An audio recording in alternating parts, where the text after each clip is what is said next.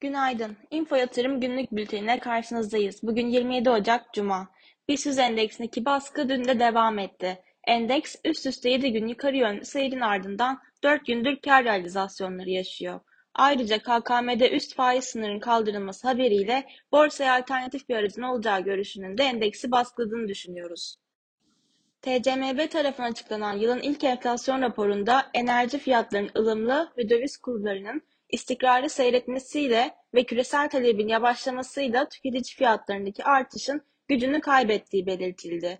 2022 yıl sonu itibariyle %64,3 olarak açıklanan enflasyon, son paylaşılan enflasyon raporu tahminin altında gerçekleşmişti.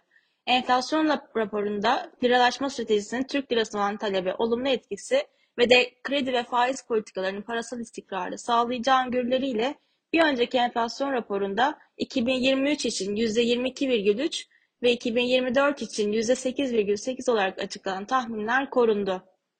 2022 son çeyreğinde iç talepteki olumlu seyre karşın dış talebin azalmasıyla büyümedeki yavaşlamanın devam ettiği belirtildi. Gıda enflasyonu tahminleri de 2023 yıl sonu için %22, 2024 yıl sonu için %11,5 olarak açıklandı. ABD'de ise dördüncü çeyreğe ilişkin öncü büyüme verisi açıklandı. %2,6 büyümesi beklenen ABD ekonomisi %2,9 büyüyerek beklentileri aştı.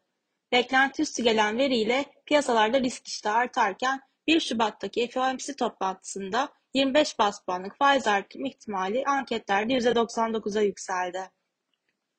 BIST endeksinde 5400 seviyesinin aşılması durumunda yeni yükseliş trendinin başlayabileceğini düşünüyoruz. Aşağı yönde ise 5200 seviyesi kuvvetli destek olmasını, bu seviyenin kırılmasıyla 5070 seviyesinin ana destek seviyesi olarak takip edilmesi gerektiğini düşünüyoruz.